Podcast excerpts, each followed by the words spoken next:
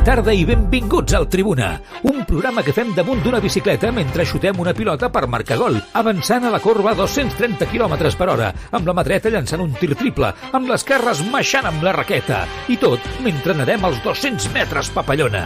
Això és el Tribuna Marca, amb Joan Prats.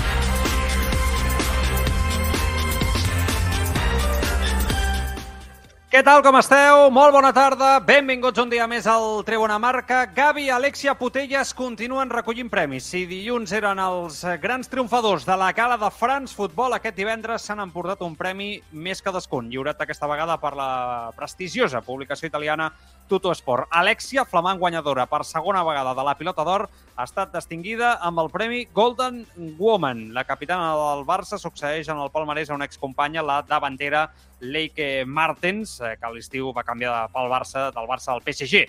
I Gavi també succeeix un jugador blaugrana, el Golden Boy, molt prestigiós aquest guardó entre la joventut en el món del futbol, tal com va passar en el Premi Copa, agafa el relleu de Pedri i Gavi s'emporta, com dic, el Golden Boy pel davant de Camavinga, de Bellingham i de Musiala, els mateixos jugadors que l'han acompanyat en aquest eh, sentit també al Copa. La versió femenina del Premi Golden Boy també tenia una finalista blaugrana, Salma Parayuelo, però finalment l'aragonesa no ha guanyat, ho ha fet Jule Brandt del Goldsburg. Premis, premis, sens dubte, el dia després d'una bona victòria, d'una convincent victòria del Futbol Club Barcelona ahir davant del Villarreal. Per fi el Barça va tornar a trobar-se amb si mateix, per fi el Barça va tornar a aconseguir la... Bueno, jo no m'atreviria tampoc a dir la seva millor versió, però sí una, una versió molt convincent i sobretot de rectificació dels errors dels últims 3-4 partits i sobretot de eh, contundència, de saber, de tenir les coses clares, de donar una imatge d'equip eh, sòlid, d'equip, com dic, amb mentalitat forta i, eh, sobretot, passant pel davant d'un conjunt que fins ahir era, juntament amb el Barça, l'equip menys golejat de la, de la Lliga i que fins ahir era un dels equips doncs, que a priori no havia patit no? golejades com aquesta ni resultats contundents. Ahir el Barça va donar un cop sobre la taula. Ho analitzarem. Suposo que el gran protagonista del programa serà Frenkie de Jong.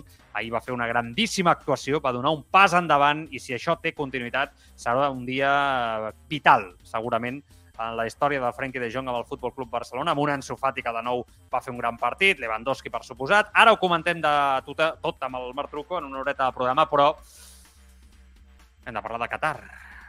Hem de parlar. A les acabades del programa parlarem de Qatar.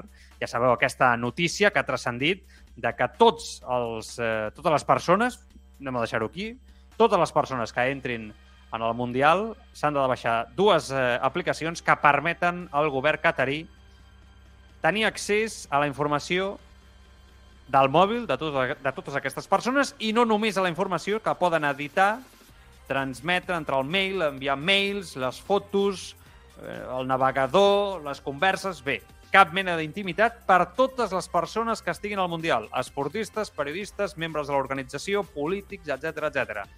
S'ha liat una espectacular. Estats Units, organitzacions eh, de, estratègiques dels països, d'espionatge, què passa, per què Qatar vol fer això... bueno, s'ha tornat a embolicar la troca, com és habitual amb Qatar pel mig. Després ho comentem. Anem a saludar el Marc Truco, que el tinc ja per aquí preparat. Què passa, Truco? Bona tarda, com estàs? Què passa? Bona tarda. Molt bé, molt bé. Ei, Molt bé, sí, sí. Déu. No? Estàs content avui, eh? Sí, sí, sí, avui estic content, és el dia. Avui és el dia de veure Black Adam, però, a més a més, per la Sí, victòria... Ara anem, quan acabi el programa, ens anem al Exacte. cine, el Marc i jo, a veure Black Adam. Si voleu venir nosaltres, anem al Diagonal Mar. I fem allà la festa grossa i fem tota la xarreta. Bueno, o no, o no. Igual no. no cal. O no, deixem-ho estar. No, no. Sí, és el nostre moment. No, no. Deixem el futbol.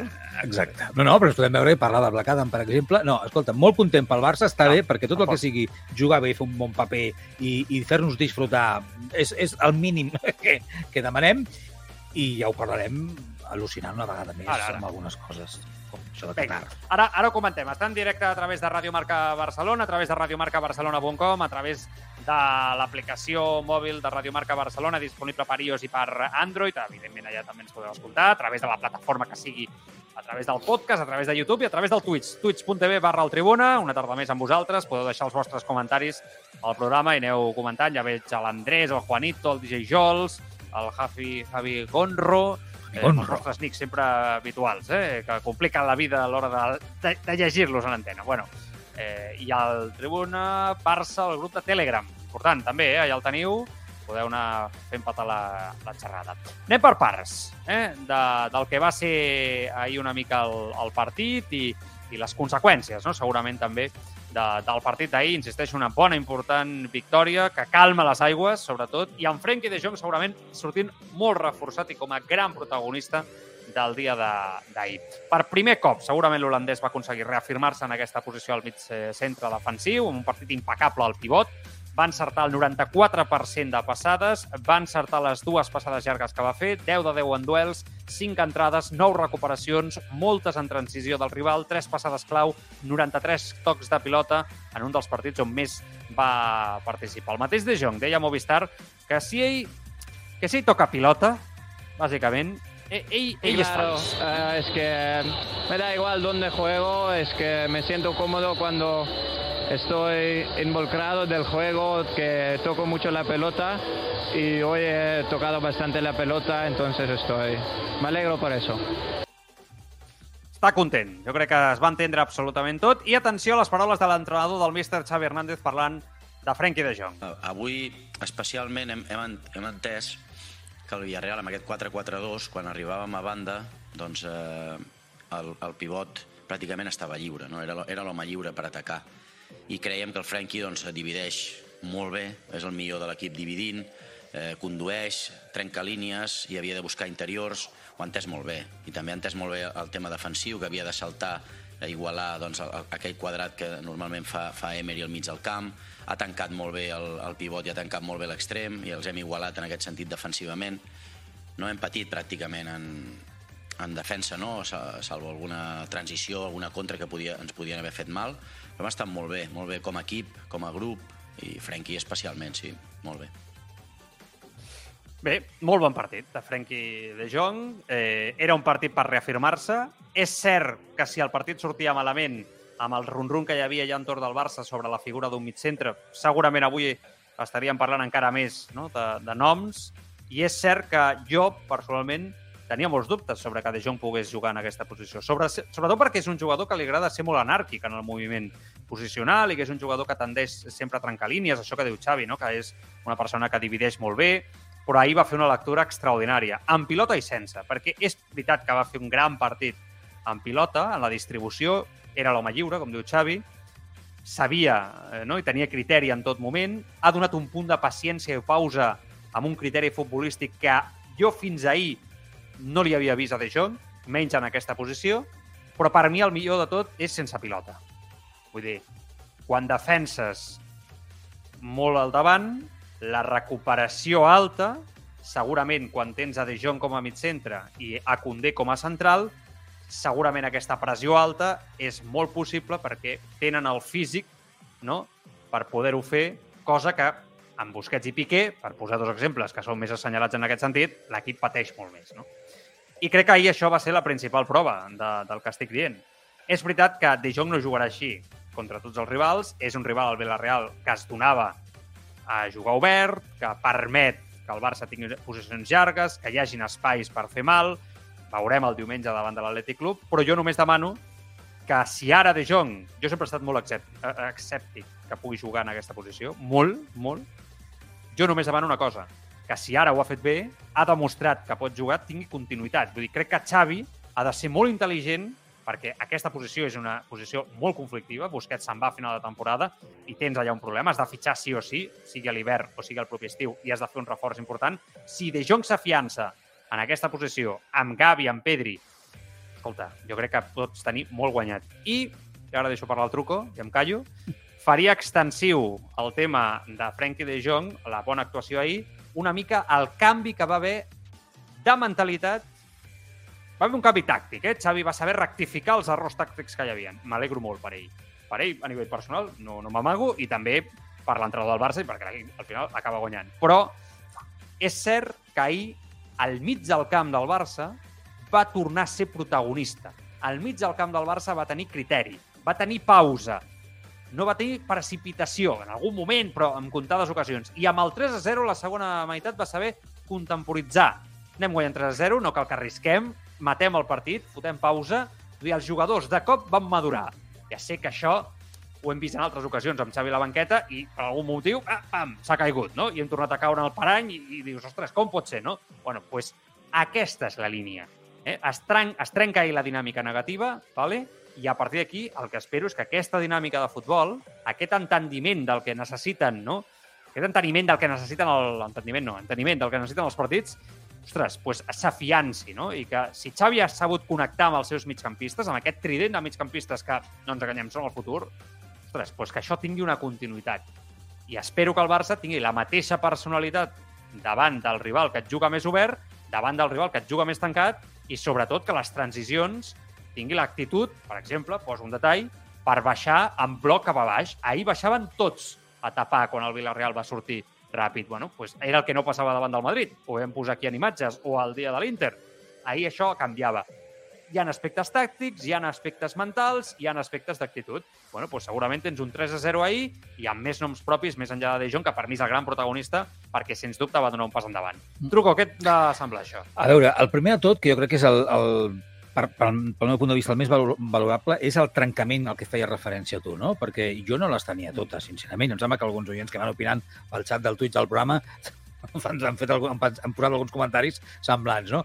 Jo no les tenia totes, perquè aquestes dinàmiques negatives, hòstia, en el Barça han allargat molt de temps i veníem, a més a més, d'una roda de premsa del dimecres que vam estar comentant aquí en el programa, en el que vam quedar tots amb el, com si en castellà, amb el color torcido. Una mica que era, hosti, tot han estat missatges positius per part de l'entrenador, però no ens hem cregut res, hem vist coses estranyes, no ens creiem, no, veiem, vam estar analitzant tot allò, no? Eh, aleshores, i jo ja ho deia aquí, dic, eh, el, tema mental, el tema psicològic, és el més important, perquè sabem que jugar a futbol saben jugar a futbol, que, hi ha, que és un equip ple de cracs, i, i, i de mm. futurs cracs, també, i de cracs que ho han estat i que ara són catacracs una miqueta, però, però que hi són.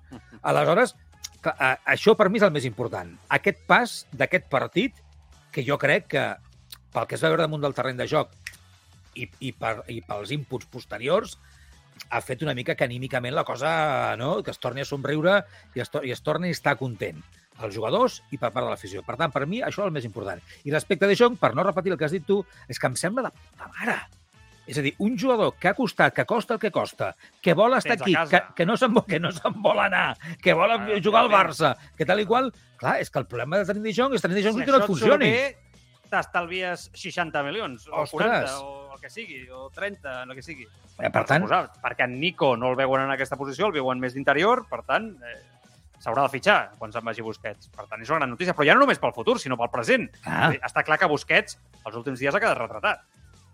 No és l'únic culpable, no, però quan l'equip no ha pressionat tant amunt, ha patit en les transicions, no ha tingut controlat el partit, no ha sabut desenvolupar el seu futbol amb personalitat, etc. Busquets ha sortit a la foto com ve passant ja des de fa anys. Això no és res nou. En canvi, aquest jugador, que fins ara s'havia mostrat jo crec que hi ha una, una part d'ell, eh, Marc? De que ahir, ahir li va donar la gana de Jong de si jugar com l'entrenador de la demana en aquesta posició. Eh? Això no, no m'agradaria. A mi això no m'agradaria que jo fos crec així. que fins ara ell havia jugat en altres, altres ocasions i no havia donat aquest rendiment. No havia tingut aquesta... O sigui, ahir era un jugador que estava molt més estàtic a la seva posició. A veure, o sigui, havia de, que de, d'arribar a tres quarts Exacte, si havia d'arribar a tres quarts i pressionava i robar, ho feia, eh, la pressió, i si havia de caure a banda en un moment, o sigui, com, com Busquets, vull dir, movent-se en tota aquesta àrea, no?, sense cap mena de problema, que és la posició del, del, del, del pivot en, en el joc posicional del Barça. Però, però és cert que era un futbol molt més ordenat. Jo, sobretot, ahir el que vaig trobar és ordre. I ordre en base a De Jong com a primer eix vertebrador d'aquest ordre.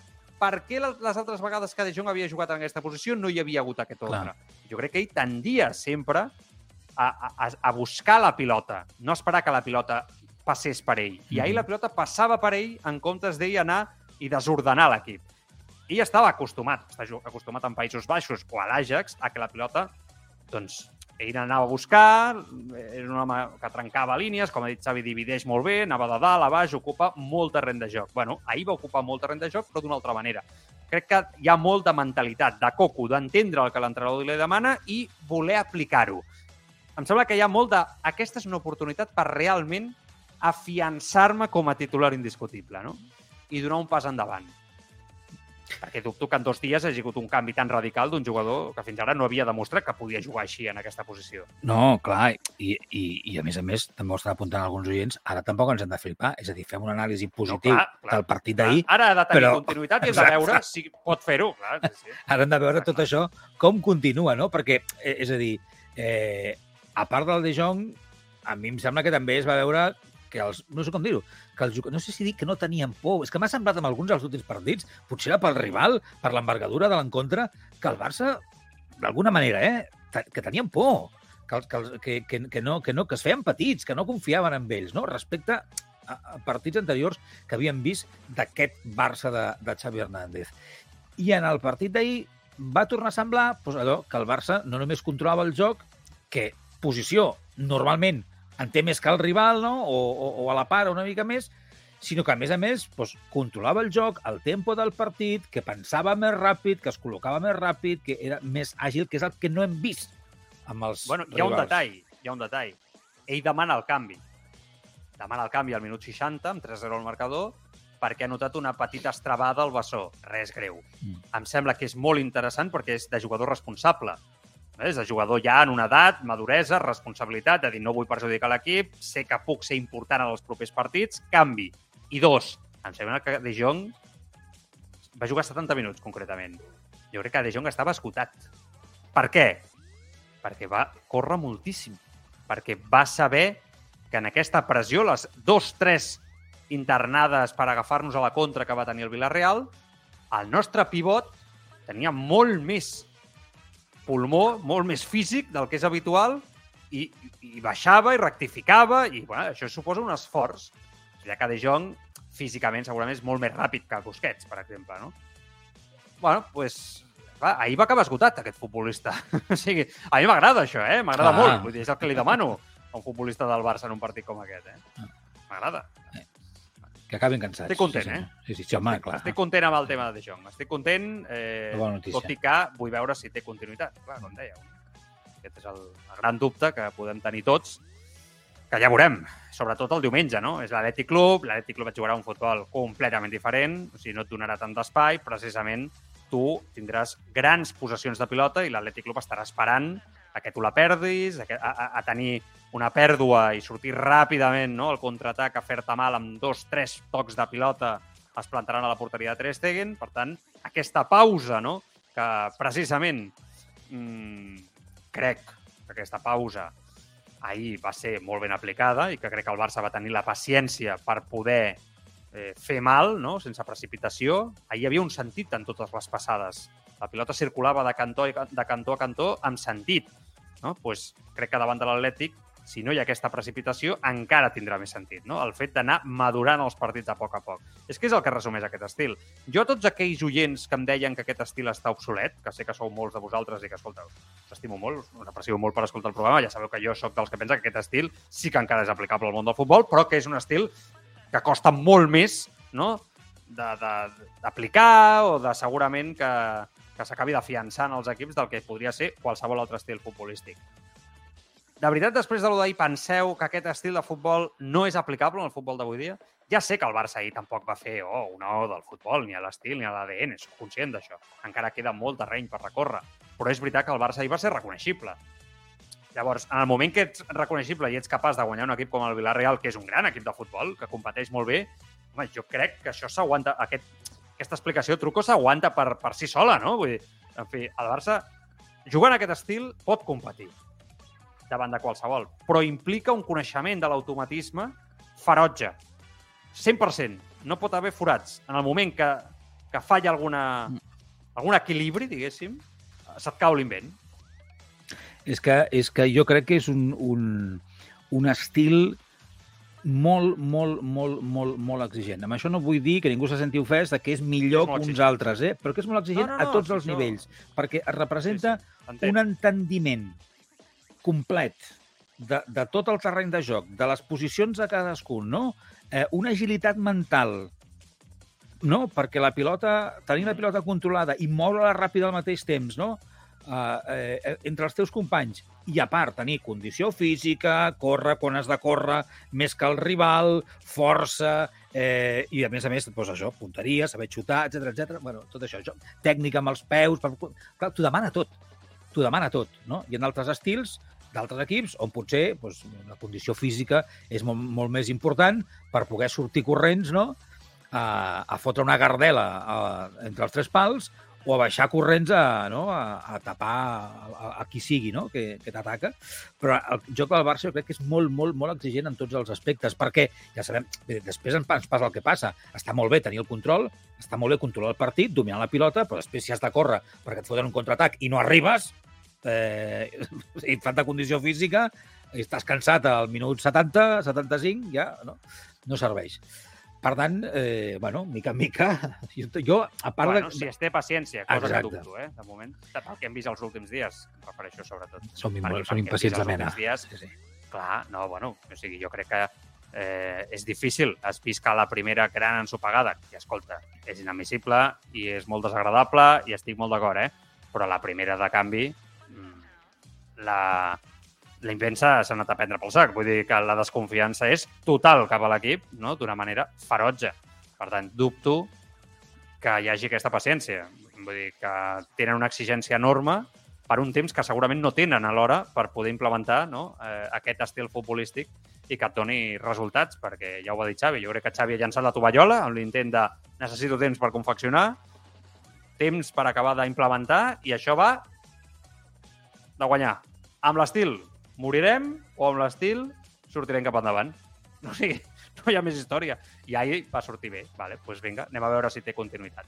Eh, no, és, és, no, és que ja, dir, truco, és, és que no hi ha massa més al respecte. No, estava, t'estava escoltant i estava pensant, a veure, que si no juguen del... que és el que pensaríem tots, no? Si no juguen del tot bé, però marquessin les tres vegades que xuten la porteria, com fan altres equips, doncs mira, així d'entrada ja ens aniria bé també, no? Però és que no passa amb el Barça, això.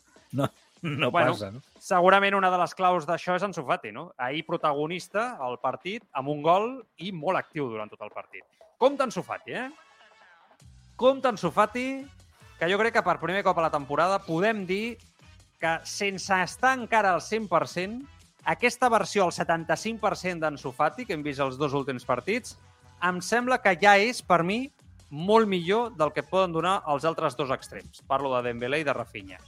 Ahir, decisiu ho és, prova, busca, crec que ho vaig comentar al canal de YouTube, Lewandowski està molt més còmode amb Ansu Fati al cantó, tendeix a anar cap a dins, per tant és un segon, segon punta amb el que tenen una gran associació constant, és un jugador que té el gol entre cella i cella, té mala idea sempre i sempre agafa el rival no? eh, a contrapeu, va sempre un, dos segons pel davant, i a part, amb Jordi Alba, que ara ho direm, va fer un gran partit, crec que eh, hi ha un pas endavant. Espero que no tingui cap mena de molèstia. Estem veient en pantalla, pels que esteu veient al Twitch, eh, una mica totes les internades que va provar, no? en xuts a porteria, tots per la seva banda, fins i tot des de la frontal, però la majoria, cinc d'elles, una a l'àrea petita, que és el gol, i quatre d'elles, totes internada de l'àrea. Pràcticament totes venen de combinació no? amb el propi Ansu Fati, amb el propi Lewandowski, que va ser protagonista, evidentment, amb els dos gols, eh, de nou. Però, mm, bé, m'agrada. Crec que aquesta és la línia trobo que tant en Ferran Torres a la dreta, que per cert va millorar moltíssim, com Ansu Fati a l'esquerra, l'equip està molt més ordenat. Allò de que els extrems van cap a dins, després els eh, laterals tendeixen a anar llargs, eh, sobretot amb Jordi Alba a l'esquerra, em sembla que és un Barça molt més reconeixible i abans hem dit, esto, el mig del camp està molt més ordenat. D'acord, sí, és veritat. Però també amb aquests extrems, el sentit tàctic no, està molt més afiançat que amb Dembélé, que segurament té més capacitat de genialitat que aquests jugadors, però l'equip es desordena. I amb Rafinha i suplent, crec que passa una mica no tan exagerat com amb Dembélé, però una mica sí, també el mateix, i després que Rafinha jo el començo a veure ofuscat per la pressió, els diners del seu fitxatge, no li estan sortint les coses, etc. Jo, eh, sense entrar en més detalls, eh, perquè crec que aquestes hores de la tarda està tot molt trillat, i ahir ja, insisteixo, vam fer el comentari a YouTube i vam comentar. Eh, crec que Xavi ha de donar continuïtat a aquest 11 en la seva integritat, uns quants partits. perquè, insisteixo, crec que pot tenir la clau de tot per aquesta temporada. Pot ser un moment clau. Eh, estic estic d'acord amb tu. Eh, de tot el que Ho estaves farà? dient... No, No, ja, no, és que... O sigui, ja, deixarà a, a, a Jordi Alba titular no sé quants partits a l'esquerra, a Marcos Alonso com a central, que no ho és, abans que Eric Garcia i la Saurà. Saps què vull dir-te? La Saurà, Dembélé i Rafinha, tres partits sense sortir de titulars, jo ho dubto, eh? Però crec que és el que necessita l'equip, eh? La veritat. Eh, sub subscric. Eh, ja sé que això va en moments i va setmanes, eh? Mm, I so som així, perquè cada dia hi ha programa, cada setmana hi ha partit o partits i, i la cosa és molt cíclica i uns, són cicles molt, molt curts i aleshores canviem, anem canviant d'opinió ràpidament. Però mm, el que has dit hi sumo factors com Mm. eh, pot ser que aquesta crisi que espero que estem deixant enrere de la que està sortint al Barça, no? aquestes últimes setmanes de debacle, de lesionats, de mals partits, de caiguda mental del, de l'equip, hagi servit per reforçar i per veure coses que potser no s'havien vist, minuts que no s'havien donat, o adonar-se'n de coses que no acaben de funcionar. No ens enganyem. Ara aquí algun oient està dient, home, no, no, no, Ferran sí, però tampoc no els flipemos. No, no cal flipar-se. Però que No. amb, la, amb, amb, amb, amb la trajectòria que porta el jugador des, des de que va arribar, Ah, que mica en mica, evolució de la que parlem moltes vegades, que mica en mica, quan entra, se'l vegi més tranquil, que se'l vegi més resolutiu, que se'l vegi més important per, per l'equip, jo crec que això, això és en positiu. A mi això em fa content. Flipar-me? No, però és que si no anéssim per aquest camí, aleshores sí que vamos mal. Per tant, si anem avançant, encara que sigui a poc a poc, em sembla fantàstic. El d'en Sofati, que tots voldríem que ja fos la, la rehòstia, que tingués una confiança al 200% Com i que, fotés, ser. i que fotés tres gols cada partit, no és encara. Sabem que, a més a més, té una conjuntura que ve d'on ve i que, i, i que anímicament i que mentalment està sent complicat pel, pel, pel jugador. Però si l'ascens comença a ser lent, però en positiu, si el jugador comença a trobar aquella confiança que sembla que li ha estat faltant darrerament, és que no podem demanar més. No, el, límit és el cel. Hi ha un oient que diu molt interessantment, eh, el Gaspar, que diu ahir juguen per primer cop Ansu, Gavi, Pedri i Ferran, junts des de l'inici. És veritat que ho vam Sí. a YouTube ahir. I, I és cert, eh? eh? perquè és una dada molt interessant. Segurament estem parlant, de, sobretot en el cas de Pedri, Gavi i Ansu, també si voleu afegir Ferran Torres, però són el, el trident del futur d'aquest Barça. Eh, un moment que em truquen, Ai, qui és, qui és? no te'l puc agafar ara. Ah. Eh, No, és important. I clar, és un detall a tenir molt en compte, no, aquest? És un detall a tenir molt en compte. Vull dir, és el trident del futur i és el primer cop en tota la temporada, finals pràcticament d'octubre, que juguen junts per primer cop de titulars. Amb Ferran Torres encara més, no? que és un altre de, que, el dels que a priori ha de ser de, de, el futur. No? Bueno, doncs crec que és molt significatiu. I Ja. que ahir la cosa funcionés i que tinguis aquesta sensació de, ja no només de control, ni de pausa, ni de... Com ho diria? És que em surt control, però, però eh, no, no seria la paraula, eh, perquè em, em refereixo més al, al tempo, al control de tots aquests aspectes que no és bàsicament el purament tenir la pilota, sinó tot el que suposa controlar aquell aspecte futbolístic que rodeja un partit de futbol, no? Eh, Avançar-te als esdeveniments del rival. Ahir és aquesta sensació la que vaig tenir amb el Barça, que no és el Ja. primer cop aquesta temporada que l'havia tingut. Pues, no s'ha de casualitat. Són coneixes que, jugadors que s'adapten molt bé al model, que coneixen perfectament aquest model, que coneixen perfectament com aplicar el model. bueno, pues, jugues amb jugadors que en aquest sentit es troben bé jugant aquest futbol, quan jugues potser amb, amb uns altres no tant, no? No, no parlo de Busquets. bueno, pues és reconeixible. Eh, per, he trobat el mapa de calor de, de Jong ahir. Ho dic per allò que estaven comentant, eh, ho dic pels de Twitch i de YouTube, perquè eh, veieu una mica el que estava dient, no? Des de la posició de mig centre, Sí. no? precisament, com ell, ostres, pues, en la recuperació i en la pressió a, a línia tres quarts, no? recupera molt amunt. Si us fixeu aquestes zones vermelles que estan en el mapa de calor de, del propi de, de Jong, recupera a línia tres quarts molt amunt. No? La recuperació és molt més a dalt del que era en els últims partits, on es recuperava no? molt més juny i la línia estava molt menys, molt menys eh, avançada, molt menys avançada, estava endarrerida, i en canvi ara el Barça, tot l'equip està molt estirat, la defensa molt avançada pràcticament a mig camp i el, la posició del mig centre, no? El Barça en posicions altes de pilota, tocant horitzontalment, amb verticalitat quan, quan toca, i De Jong amb una presència en la recuperació constant, amb el toc de pilota molt avançat. Quan l'equip eh, està més replegat, la seva posició més habitual. Eh? Aquí ho veieu, la posició de mig centre. I a vegades, puntualment, pot caure a banda per fer recuperacions, però el triangle que dèiem, no?, amb el mig centre, crec que és algo que precisament amb De Jong, quan havia jugat en aquesta posició, no s'havia vist. Pues aquí veiem aquest triangle, que crec que ho escenifica molt bé, Truco, no sé si, ho- si Sí. m'estic explicant bé, Jo crec que sí. però que realment eh, escenifica això, no? aquest ordre respecte a la, a la posició, i ho celebro, tu. És que crec que s'ha donat un pas, eh, un pas endavant en aquest sentit. bueno, eh, més noms propis a part dels extrems. Eh, a veure si Xavi té nassos, eh? Per, eh, bueno, nassos, no sé si és la paraula nassos, però és el dubte, no? De molts. Dembélé, que l'ha defensat tant, que, que, que ha apostat tant per Dembélé, oi, Truco? I ara el deixarà a la banqueta? No ho sé. Eh, ho veig complicat, eh? Crec que l'equip ha de tenir continuïtat, com dic, però veig complicat que faci aquesta aposta amb, amb Ousmane Dembélé perquè té una certa obsessió amb ell eh, i, i, bueno, per mi crec que ara mateix desordenaria el que vam veure ahir i el que ha de tenir continuïtat, però bueno, ja veurem. Eh, És que... Bé, jo no sé quan durarà l'idili, eh? perdona, una cosa, el Gaspar, tam, perdona que, que destaqui Sí. tants missatges d'aquest oient, però és que també estic molt d'acord amb el que diu al final. Diu, ahir es nota la mà de l'entrenador amb De Jong. Bueno, una mica el que dèiem abans, eh? en la línia del que estàvem explicant, que es nota que per alguna raó ahir sí De Jong va aplicar un coneixement de l'oposició que fins ara no havia demostrat. No? Doncs ho celebro, no? Perdona, Marc. No, no, eh, estupendo. Eh, eh, no sé què estava dient. Eh, Perdona. Dembélé. Sí. Eh, sí.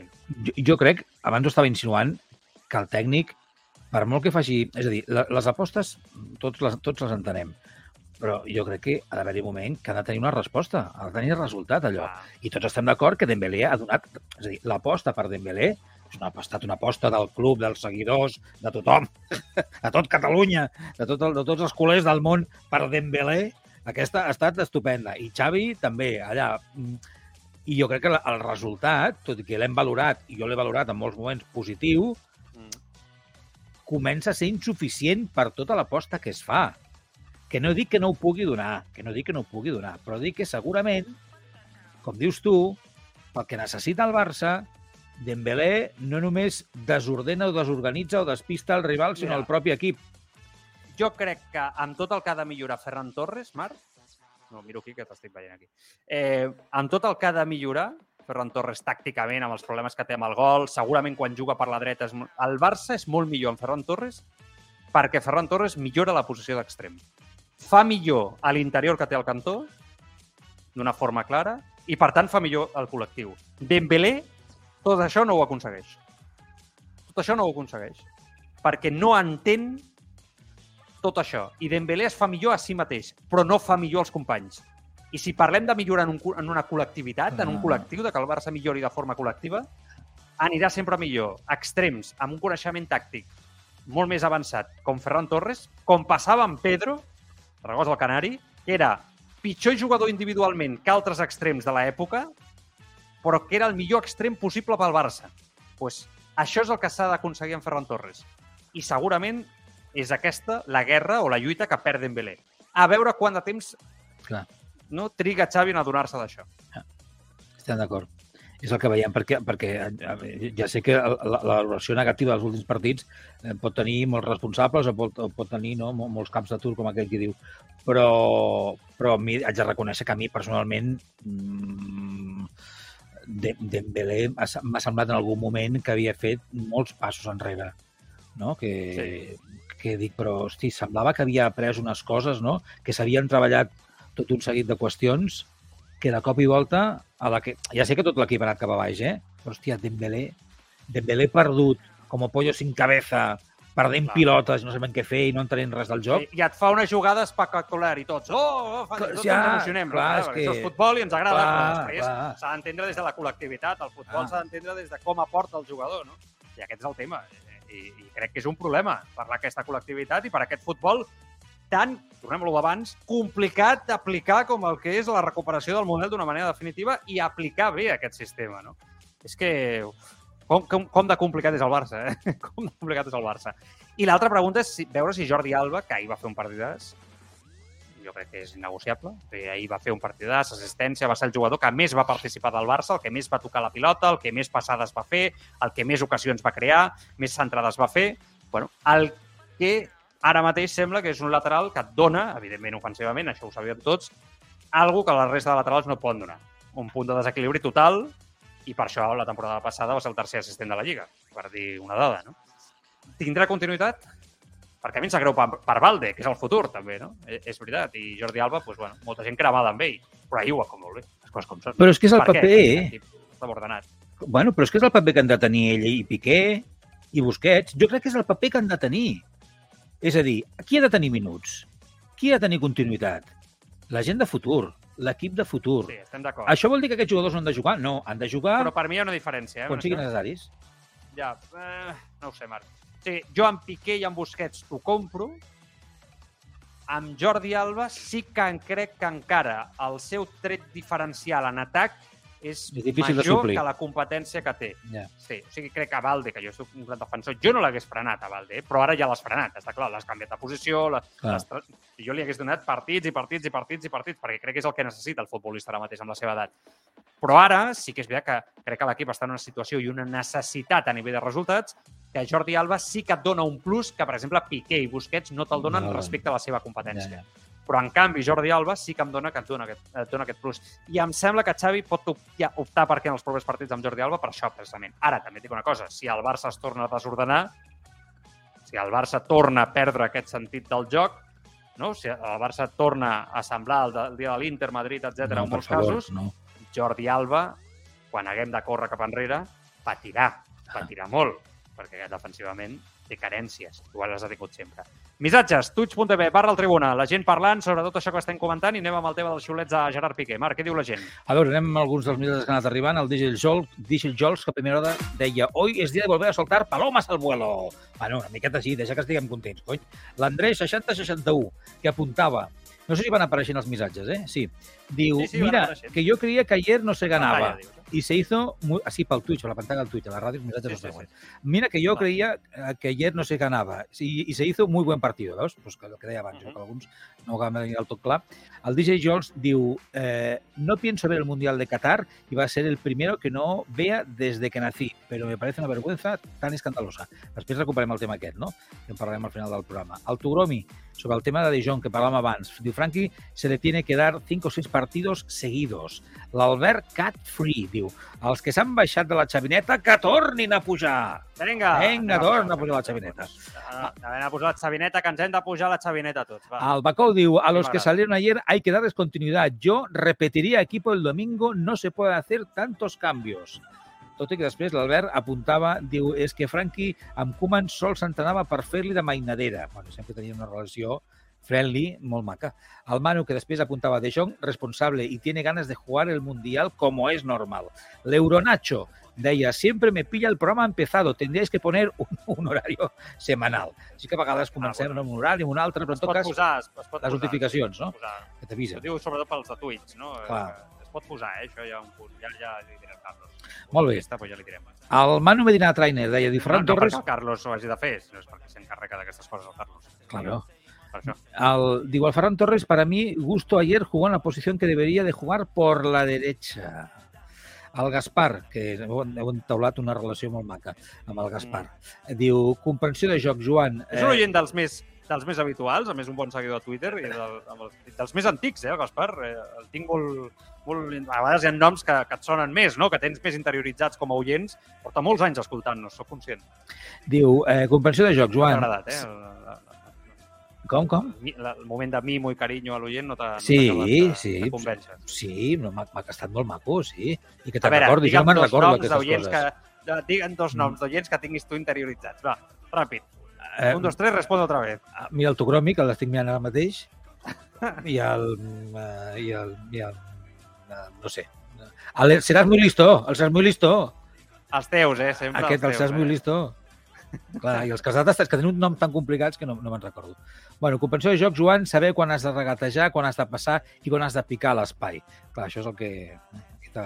la mare dels ous. A Manu després apuntava Dembélé, que se vaya a la Premier, que para mí es un estilo que le iría genial. Un Liverpool, por ejemplo. Genial, No? totalment. El- És que, a més, jo crec que el, que el Barça en aquest sentit podria treure molts diners en, aquest, eh, en aquesta operació. Fem business. Ah, no? Eh, Dembélé hace peor fora. Eh? Que jo no sóc un gran fan de Dembélé. No Ja, ja, ja, no ho has estat mai. Al respecte.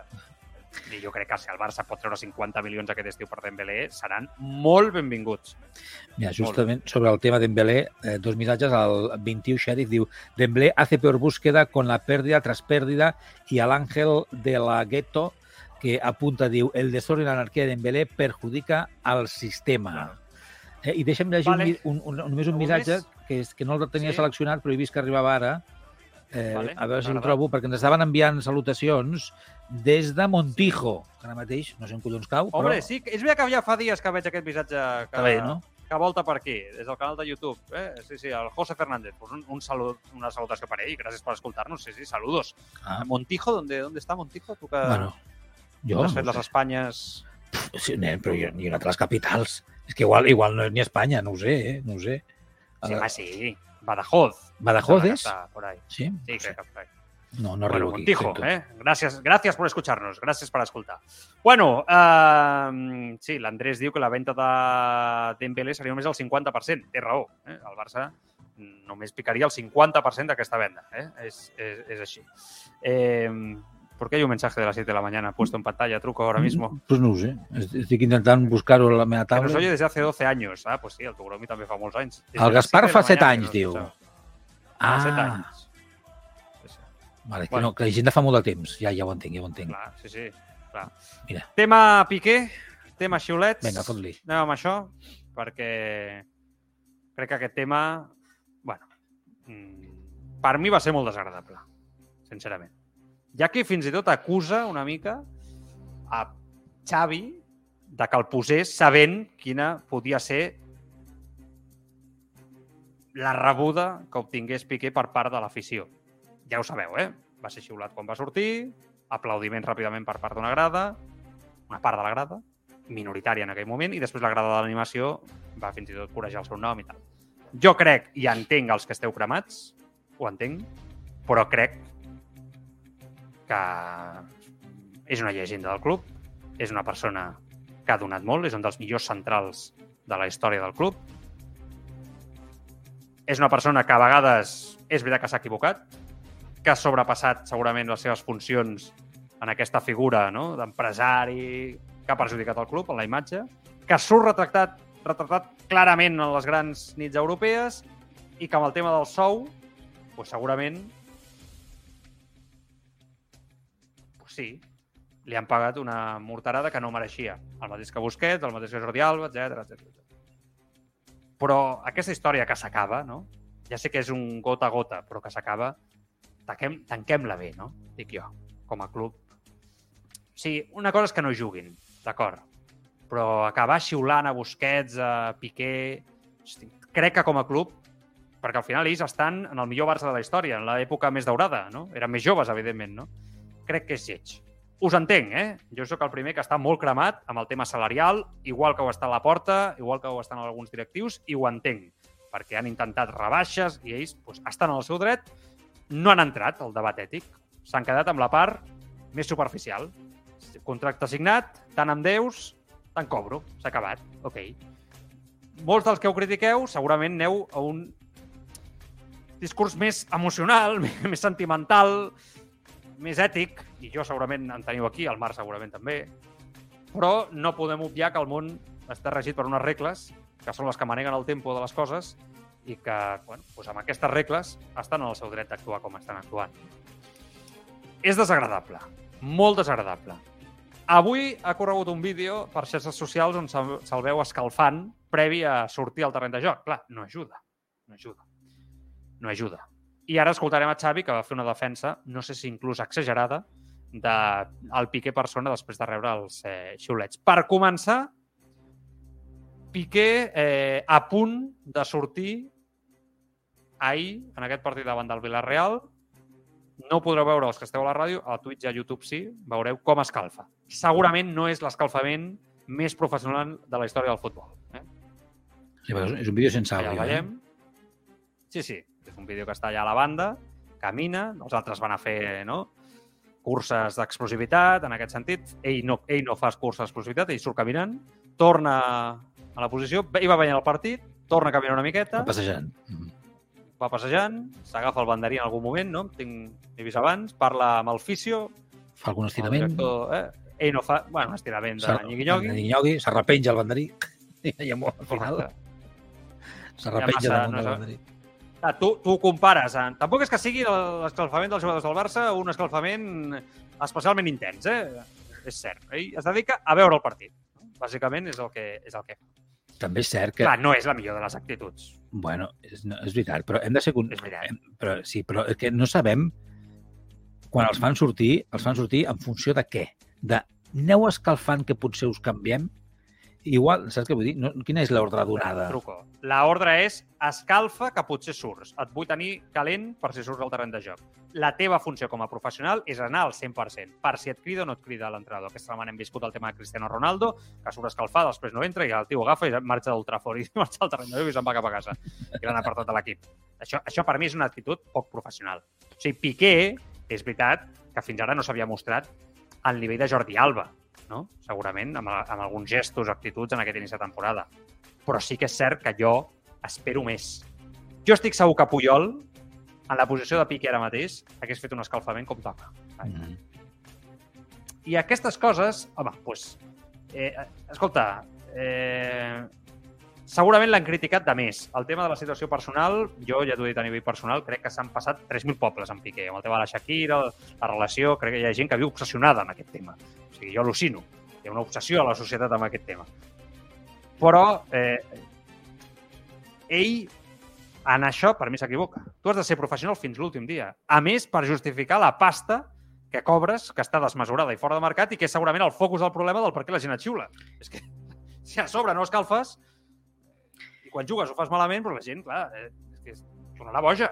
Jo, l'altre dia, el dimecres, us vaig fer referència a les imatges de l'entrenament del Barça d'aquella jornada. Ja vam, ja vam estar d'acord que era només un moment de l'entrenament, que no era tot, que hi ha entrenaments i entrenaments, etc etc.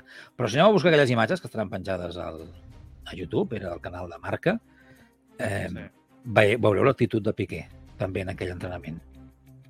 És com, és com si fos jo. Cansau. Sí, aquesta, ara mateix, Cansau tot el rato. aquesta, aquesta situació li fa pal. Sí. Jo crec que li fa pal. Llavors, jo entenc que és, és, jo estic d'acord amb tu amb el que estaves parlant abans dels, dels xiulets, no? que ah, hauríem de fer lleig, entre tots no? que, que, que tot, tot el bo que ha tingut la relació Barça-Piqué no acabi malament. Però com apunta algun oient a través del xat, és, compli és complicat És complicat. Que en la conjuntura actual- Perquè tots estem molt cremats. Eh, vegis aquestes coses. O segons quines Tots actituds. estem molt cremats, Clar. a nivell general, a nivell de club. Marc. O sigui, tots estem en una situació de, cre de cremor, no? de, de dir, hòstia, és que s'acabi aquesta tortura que no passa mai, els contractes, veus que el club té moltes dificultats per tirar endavant els projectes, fer les coses, i costa, costa. Defensa de Xavi sobre Piqué, ahí en roda de premsa. A ver, yo en el Gamper pedí unidad, pedí unidad para el barcelonismo, ¿no? Y creo que es momento de estar unidos, tanto afición como junta directiva, eh, medios de comunicación, staff, jugadores, es momento de estar unidos. Eh, yo lo único que puedo decir de, Piqué, que juegue o no juegue a nivel deportivo, dentro del vestuario es un ejemplo. Ejemplo en mayúsculas, ni una mala cara, entrena al 100%, se deja la piel por el equipo, juegue 10 minutos, juegue media hora, juegue 90. Y esto lo digo públicamente porque además se lo merece. Ni una mala cara en ningún momento. En ningún momento. Y es un ejemplo de capitán. Y esto lo tiene que saber la gente. Entonces pido unidad. Si, no fuera un ejemplo no diría nada. Pero lo es. Y a partir de ahí estar unidos. Estar unidos. De- de- dentro del vestuario estamos muy unidos. Somos una familia, somos un grupo fantástico, el ambiente es extraordinario. Extraordinario, de las mejores eh, plantillas a nivel humano que, que he vivido yo en mi carrera. Y esto es lo más importante. Y que Gerard esté para el grupo y para el equipo para sumar, esto también indica mucho de cómo es él, de ganar. M'alegro molt per, per Xavi que ho vegi així, m'alegro molt, moltíssim. Eh, m'alegro que Xavi vegi que el seu grup humà està així, perquè ens anirà molt millor en el futur, si és així, no? en general. O sigui, tots són bones notícies, però m'alegro molt sobre, sobre totes les, les paraules, tot el que ens explica, no? del nivell humà de la, del vestidor, que és una, una pinya. Crec que aquest és el camí perquè les coses sortin bé. Crec que Xavi eh, ha de tenir aquest missatge no? Eh, públicament de cara al que és el vestidor. El tema Piqué, a veure, sabem que la relació Xavi-Piqué no, no és una autèntica una relació professional. No és una, ni, ni quan eren jugadors tenen una relació, tenien una relació personal com la que pot tenir amb Busquets o no, Xavi o la que pot tenir amb Jordi Alba. La gent ho sap, això. Generalment la gent ho sap. Era necessari fer aquesta exageració, potser, de la situació? bueno, suposo que ell vol també tenir un element com Piqué al màxim controlat possible i sap que Piqué és una persona que llegeix molta premsa, que està atent al que diu l'entrenador en roda de premsa, etc etc etc. Crec que és un missatge que, pensant en el futur i en el bé de tots. En el bé de tots. Perquè no hi hagi xiulets, perquè no es desmadri el vestidor, Piqué pot ser una bomba de rellotgeria si va a males, ja ha transcendit algun xoc no, que han tingut Xavi Piqué al vestidor en aquesta mateixa temporada. Ara, jo no m'ho crec, Trucó. O sigui, aquest punt del, del perfectismo absolut no? que, que ens narra Xavi, acabem de veure unes imatges on no se'l sembla, no sembla la persona més feliç del món, no? Crec, vaja, no sé. Jo no m'ho no acabo d'empassar. Clar, com, clar és. Entenc la situació i per què ho diu. Mm. Bé, jo, jo crec que mm, les coses no són ni blanques ni negres. Ho dic perquè hi ha oients, i això segurament, que defensaran a Piqué a capa i espasa en l'aspecte eh, col·laboratiu, associatiu a dins del vestidor, de ser un, un model a seguir, de ser un exemple, etc etc. no? O simplement perquè ha estat una icona i aleshores és un intocable. Nosaltres no ho compartim, com tampoc penso tot el contrari, no? que de cop i volta una persona que sempre s'ha sabut que era un baluart del vestidor en molts aspectes, no? Un representant fins i tot de l'entitat en moments en què els que havien de representar-la eh, es feien petits o desapareixien i no donaven la cara, no? Eh, ara de cop i volta eh, sigui tot el contrari, no?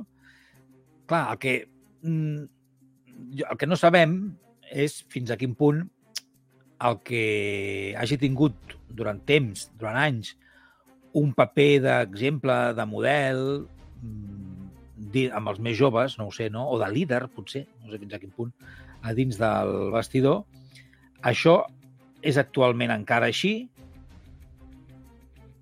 i si Xavi, quan ha parlat en roda de premsa, doncs, evidentment, ho ha exagerat d'alguna manera o no ho ha exagerat. Jo tampoc m'ho acabo de creure del tot per la, per la conjuntura, per la situació, per com veiem a Xavi en el terreny, a, a, a, a Piqué a la banqueta durant un partit, per com veiem Piqué en els entrenaments, per tot el que s'ha anat sabent i filtrant i explicant i pel seu rendiment, tot en conjunt. És a dir, que jo crec que s'ha de donar confiança i és, molt, és difícil perquè clar, a vegades la gent es, eh, es molesta per les opinions que donem, però és que nosaltres fem la nostra feina des, de, des del punt de vista crític, no? És a dir, ens ho mirem excepte quan miro el partit de futbol. Quan miro el partit de futbol sóc hooligan, però quan, quan, quan no, ens ho miro, no, saps què vull dir? Me n'oblido de tot això i tal. Però ara es tracta de mirar de forma crítica. I de forma crítica, tots els inputs de Piqué fins, al, fins a aquest, durant aquests últims temps són negatius en molts aspectes. I això és el primer que jo entenc que amb ell però, no l'ajudin. Saps què passa? ¿Sabes qué pasa? Yo entenc el que dius, però saps què passa? Que, que aquí hi ha oient que diu si fora un exemple hubiera jugado ayer i no Marcos Alonso. bueno, també és veritat que pot ser un exemple, però físicament no està, no? I que, i que tàcticament no, no anar. Però si tot això fos veritat, Piqué hagués marxat cap a casa. Aquest estiu, quan et diuen no contem amb tu, no jugaràs, vas dir que marxaries el dia que facis nosa, yeah. després del 2 a 8, i El ejemplo es un ejemplo para el vestuario, grupo unido, etcétera, etcétera. Bueno, pues si eres un ejemplo, etcétera, etcétera, cuando dicen que, te dicen que no vas a estar, te vas i cumples con tu palabra. Vull dir que aquest discurs de Xavi ja es trenca per l'inici de temporada del propi Piqué, que es queda, pues, jo no sé si per al repte o pels diners, bueno, el que sigui. Llavors, bueno, aquí hi ha molt d'això. És un tema delicat, veurem com evoluciona. Jo crec que hi ha molta gent molt cremada i que no canviarà el seu punt de vista en Piqué i que el continuarà xiulant cada cop que jugui. Estic pràcticament convençut. Mm. Després, és veritat que hi ha molta gent que ahir, per exemple, va sortir, el va intentar esperonar i que, Clar. que aquest tema no anés a més, perquè, clar, és que tampoc podem estar ara en mitja... tem- Estem a l'inici de temporada amb xiulets, eh, és que està sent, de veritat, més llarg que un part, eh, això dels veterans i els capitans que surten. Eh, dada per eh, acabar d'ahir, Ter Stegen li treu el Zamora Rulli, després del partit d'ahir amb només 4 gols encaixats eh, per 6 del porter del Villarreal, el Barça, tot i les baixes, segueix sent un equip sòlid al darrere. Eh? Dada important. I atenció a Abde, eh? que s'està sortint literalment amb eh, l'Osasuna. Dit a l'Osasuna, jugador que aquest extrem que agrada molt a Xavi Hernández, que la temporada passada doncs, va ser un dels jugadors que es van utilitzar a, primera, a la primera plantilla i que, insisteixo, lo hace Abde. ahir va fer un autèntic eh, partidàs i ja veieu la jugada que es va marcar el tio a un nivell altíssim i aquesta només és una, un exemple, eh? Vull dir, n'hi ha unes quantes Yeah. on va ser protagonista a un nivell superlatiu. Jo pràcticament m'atreviria a dir que és un dels extrems que més està desbordant de tota Europa i en Ferran Juglà, que és un altre que s'està sortint al Brujas, bueno, els hem deixat escapar, o un s'ha dit, l'altre ha traspassat, però bueno, no, no m'acaba de convèncer massa, però bueno, que Mapte l'anirem seguint perquè podria arribar a, a tornar. Truquen a la porta. Truquen a la porta, sí, sí. Uh, obrim, és important. Ens centrem en el tema de Qatar i amb això acabaríem Vinga, el programa d'avui. Amb alegria. El Ai, tema és... Directament és al·lucinant. molt, molt, molt, molt. molt. Directament és al·lucinant. Per mi és, és flipant, eh? Tot el que està passant amb aquest Mundial que ve pel, pel davant. Avui hem conegut, respecte al Mundial de Qatar, que l'organització ha anunciat que serà l'u obligatori instal·lar-se dos aplicacions mòbils a l'smartphone de cadascú a tots els assistents del Mundial. Jugadors, o sigui, tothom que estigui implicat al Mundial, aplicació, dos aplicacions a l'smartphone, perquè aquestes autoritats tinguin accés total a les dades privades dels periodistes, jugadors, públic, etc. Aplicacions al mòbil de tota la gent. El govern, les autoritats, control total. Accés al mail, accés a les converses de WhatsApp, capacitat d'editar el que faci falta en un mail, capacitat d'editar el que faci falta en una, en una conversa, una fotografia, les dades de navegació, intimitat, zero. A més, aquestes apps permetran doncs, evidentment, tenir geolo- geolocalització, geoloc- geolocalització, es diu així, sobre les persones en tot moment. Vull dir, tothom localitza. Eh, clar, se li atuna espectacular. Aquí les, gran, les grans preguntes és fins a on aguantem aquest abús? Això per començar. Dos, què, què amaga Qatar? Perquè clar, aquí ha sortit fins i tot als Estats Units a dir què, què passa amb Qatar? Què Qatar vol vendre dades i informació de persones rellevants a altres països enemics d'Occident? Què està passant? No? I clar, això va més enllà del futbol. S'està parlant de que Rússia podria estar fins i tot darrere. Vull dir, clar, la, vivim un moment molt convuls al món, no? I tota aquesta sèrie d'accions, a més Qatar sense cap mena de, de problema, eh? Ho anuncia públicament, sense cap mena de, no sé, de vergonya. No ho amaga, ho diu públicament amb el sentit de qui se sent poderós en l'abús dels altres, que té el control i el poder, que ha pagat molts diners per aquest Mundial, que té a FIFA controlada, i sabem que per al Mundial, insisteixo, passarà moltíssima gent molt important. Eh, ara cal veure quina serà la resposta a aquesta Cap. situació per part de federacions, jugadors... Què passarà? Periodistes? Els periodistes deixaran que Qatar tingui el control sobre la seva informació als smartphones? Hi havia algun oient aquesta tarda a Twitter que em deia que la gent aniria amb, amb, tren, amb els Nokia antics Clar. eh, i tot plegat. I, I compte perquè sembla que si, vas amb, si no vas amb un smartphone no entres al país. Vull dir, eh, o, sigui, o tens l'aplicació en un smartphone o, o, o, o, o, o no hi ha Mundial. No sé, jo al·lucino. És, és, sembla ciència-ficció, truco, el que estem explicant. Mm. Però no ho és. Eh, el que hauria de passar, des del meu punt de vista, no passarà. I és que, eh, com a mínim, les federacions, els partits, els equips, Mm. els jugadors, la premsa, en un 99% diguessin eh, no. No vindrem a jugar, no vindrem a cobrir. Allà, els estadis es quedaran allà solets, buits, i no hi haurà repercussió mediàtica. Això és el que hauria de passar. Ara, no passarà. malauradament no passarà. Perquè en el món en el que vivim, aquesta gent, aquestes actituds, són les que maneguen les cireres. No, però hi ha països democràtics que... Sí, sí, sí, però en gran part del món, aquestes actituds i aquests diners maneguen les cireres, i més en el món del futbol els últims anys. Aleshores, què passarà? A veure, Marc, Que... estem d'acord amb això, però, però no pot no passar res. No, Vull le- dir, i ho heu dit vosaltres al despatx. al Mundial... Aniran amb telèfons nous, buits. Buits. Ja està. Smartphones buits, sense informació, que pugui, Clar. serà la seguretat davant no, que puguis tenir. Clar. Però per què, jo, la, aquí la gran pregunta és, per què Qatar, que molta gent vinculada amb Qatar, Xavi un d'ells, no? Eh, et diuen que Qatar, que Qatar es vol obrir al món, Sí, que clar. utilitza el Mundial, el futbol per obrir-se al món, al Sí. món de l'esport, que volen apostar al PSG, etc que, Sí. que no volen ser un món tancat, no? com, com ara la resta del planeta, Mhm. un país tancat com, la resta, ah, com ara no? la resta del planeta, però Sí. per què Qatar pren aquesta decisió de tenir informació no? a nivell completament confidencial de persones molt rellevants, no només al món del futbol, hi haurà polítics, hi haurà primers ministres, etc etc. Què busquen amb això? Perquè això va molt més enllà. Qatar Censura. és un país... Amb... Vale, però censura de què? Poder, control de la informació, xantatges, vendre les dades... Bueno, això, més enllà- Això és molt greu, eh? Bueno, més enllà de que amb és que aquestes... és molt fort. Sí. Què busquen? Què busquen? Jo vull saber. Doncs per començar, Perquè bueno, perdona, per començar, hi ha un problema. I és que eh, els mitjans de comunicació eh, de Qatar estan controlats. Eh, la informació dels mitjans de comunicació de fora de Qatar que van a Qatar estan controlats. Eh, què passa quan, quan comencin a arribar molts mitjans de comunicació, no sé quants eh, diaris, ràdios, eh, televisions, internet, eh, i jugadors i jugadors i equips, tal i qual. Bueno, és que la gent amb els mòbils sap el que passa.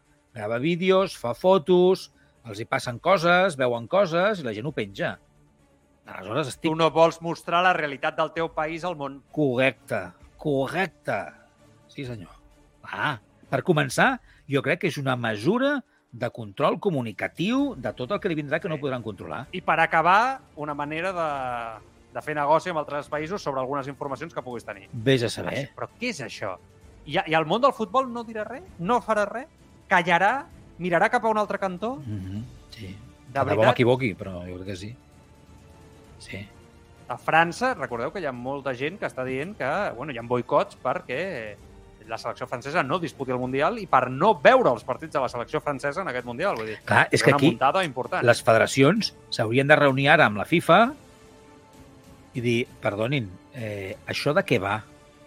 Clar. Mm, No veuen que no? Les, les federacions, que els vicepresidents són els presidents de les pròpies federacions. Els Ja, ja. vicepresidents de FIFA són els presidents de les federacions. Vull dir que, no?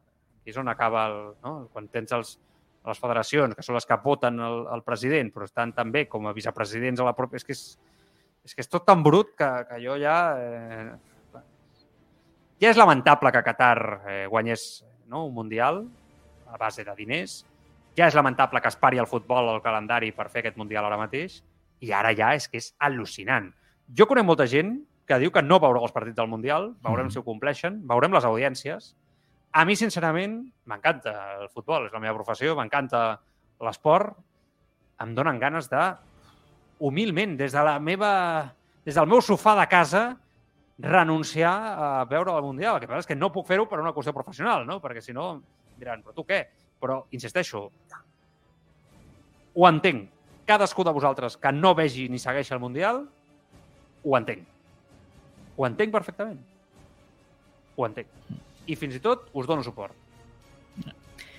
I més. I més et diré, perquè és, és una tonteria, però clar, smartphones i, els, i les tablets i els portàtils, perquè... Va, tot. Suposo que serà tots els elements electrònics que, que passis per, per eh, a l'aeroport o... No? Suposo que ja faran un element de control en algun moment determinat, clar, sí, sí. O fins i tot quan tens acreditació o entrada, no? has de tenir l'aplicació. No, jo crec que volen tenir un control absolutament total respecte a, a, a tothom. Ah? I, que, I que després som, nosaltres som molt burros. Quan dic nosaltres parlo de la societat en general. Som molt burros amb el, amb el smartphone, no? Et baixes una aplicació i permisos, sí, Clar. no sé què, sí, vull dir que anem fent, no? I que després et baixes aquestes aplicacions que, per cert, tenen nom, eh? Es diuen Esteras i Haya. Esteras i Haya.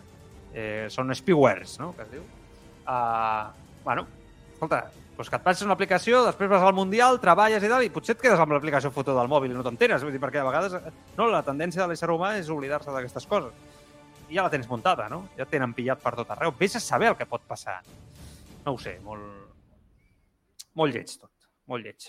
Vols llegir alguns missatges i amb això marxem de tot el que estem comentant sobre Qatar? Mira, se m'ha quedat un mal cos i un mal rotllo. Que Mal no cos, sé, eh? No, no, sé és que això és, és més propi d'un capítol de The Americans, eh, no? de la sèrie aquella de la Guerra Freda dels russos i els americans, que, que, que una altra cosa. Que una... Futbolísticament això no té res a veure, però és que és la realitat del que estem vivint.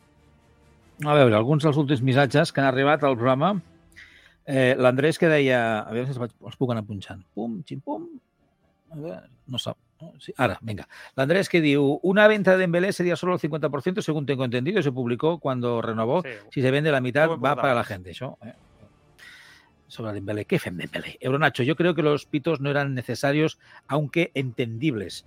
Al Manu que apuntaba, yo digo, el problema de Piqué es que so- eh, soltó aquello de que cuando no hiciera falta seria exacte, no? com hem dit moltes vegades, Claro. i ara pues, està passant el que està passant. Uh, L'amic del Joan, el Gaspar, que ens, esco- ens escolta des de fa set anys, que per cert hi ha hagut un debat en el xat del Twitch sobre jo sé, jo fa 12 anys que els escolto, jo quan era pel matí matinava i no anava a treballar Gràcies i a els escoltava també. Gràcies Exacte, a tots, exacte. de veritat. El Gaspar diu, Joan, els aficionats són iguals de superficials que ells i els xiulen. Tot i que el, Tur el pensava que le silban poco. A l'Euronacho, que després apuntava, diu, es una lástima que unos capitanes de leyenda, por no saber retirarse a tiempo, acaben tan mal su carrera en el Barça. Uh, què més, què més? Eh, L'Uli Star, que es deia això tan maco, eh, sobre, bueno, le contestaba a un altre oient, però deia, diu, eh, solo he visto dos minutos de vídeo, no he visto todo el calentamiento, el del Piqué. Igualmente os creéis a Xavi cuando dice lo que os interesa y no cuando no os interesa. Bueno, no és qüestió que ens interessi o no, és que, Bueno, li diu a l'oient, no? Més que tu. bueno, no ho sé, o a nosaltres, no? Però en tot cas, a Xavi no te l'has de creure sempre. A vegades, no? Estaràs d'acord, pensaràs que, com qualsevol altre. És la nostra feina, crítica, crítica. Aquest és el que dèiem abans. Què més? Eh, mira, sobre el tema de Qatar, l'Euronacho diu, mi cuñado ha trabajado dos años allí y flipa con lo que cuenta. Home, podries explicar alguna cosa, Euronacho? Així, no? Fot- fot- Fotríem una mica més de marro. Y acabem amb un missatge del Seràs muy listo, evidentment. Diu, bueno, es que nos lo tenemos bien merecido por corruptos unos y por corruptos otros. Venga. Vale, uh, i anem acabant. Un rap. Eh, un rap del Barça, Sí? que s'ha posat... Eh...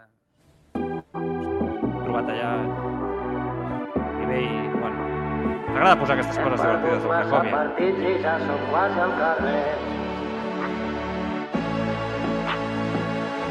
Quan va sortir el bombo amb l'Inter i el Bayern vaig dir això no m'importa perquè el Barça està on fire guanyàvem els rivals gràcies als gols de Lewandowski que ens va sortir més car complir el carro a l'Eroski.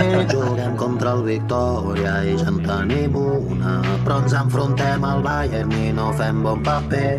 No podem guanyar a l'Inter ja som quasi al carrer mentre el Bar ens perjudica tant com en Dembélé el Madrid en fot un, no n'encertem ni una. Celebro el gol d'en Torres, però ells han encardat tres. Li dic Ardi, això és penalti, però em diu jo no he vist res. Si no se'ns passa la verge, aquest any quedem tercers. Digues teves, què hem de fer perquè enxilin penal? Els equips remoten amb les mans, els queixes i ells ho neguen. L'àrbitre no vol revisar, queda massa lluny el bar. Pero oiga, esto es un disparate. El reglamento sanciona igual el remate. A todo equipo que vaya de azul y granate, a menos que pierda o empate. Queda't, que encara som a la Champions League. Si al final passem de ronda, omplim canaletes, però cal que l'Inter perdi l'avió i les maletes. Queda't, és molt digne anar a l'Europa League. És més fàcil perquè tens uns rivals assequibles, no passa res. Bueno, està bé, no, Truco? Està molt bé, no? home, els de Polònia sempre ho foten estupendament, això. Sí, sí. O foten, o foten de conya. Bueno, mira, la porta, a veure. I el cobrador del frac m'ha dit que passa a les 3. Hem de subestar relíquies. Tens Busquets i Piqué. Ens faran baixar segona si no tenim diners. Queda't-hi, que encara som a la... Bueno, doncs ens hi quedem, no. Truco? Ens hi quedem, no? Vinga, va. Tant, vinga, amb alegria. Tornem el proper dilluns. Cuideu-vos molt. Quedem aquí, ens quedem aquí amb el rap del Cracòvia. Mai s'ha de perdre bon humor. Vinga, el som-hi. El Barça davant de l'Atlètic Club, eh? Diumenge a les 9. El dilluns ho comentem. Adéu-siau, cuideu-vos. Fàcil perquè tens uns rivals assequibles. No passa res si palmes perquè ningú mira. Barça rap,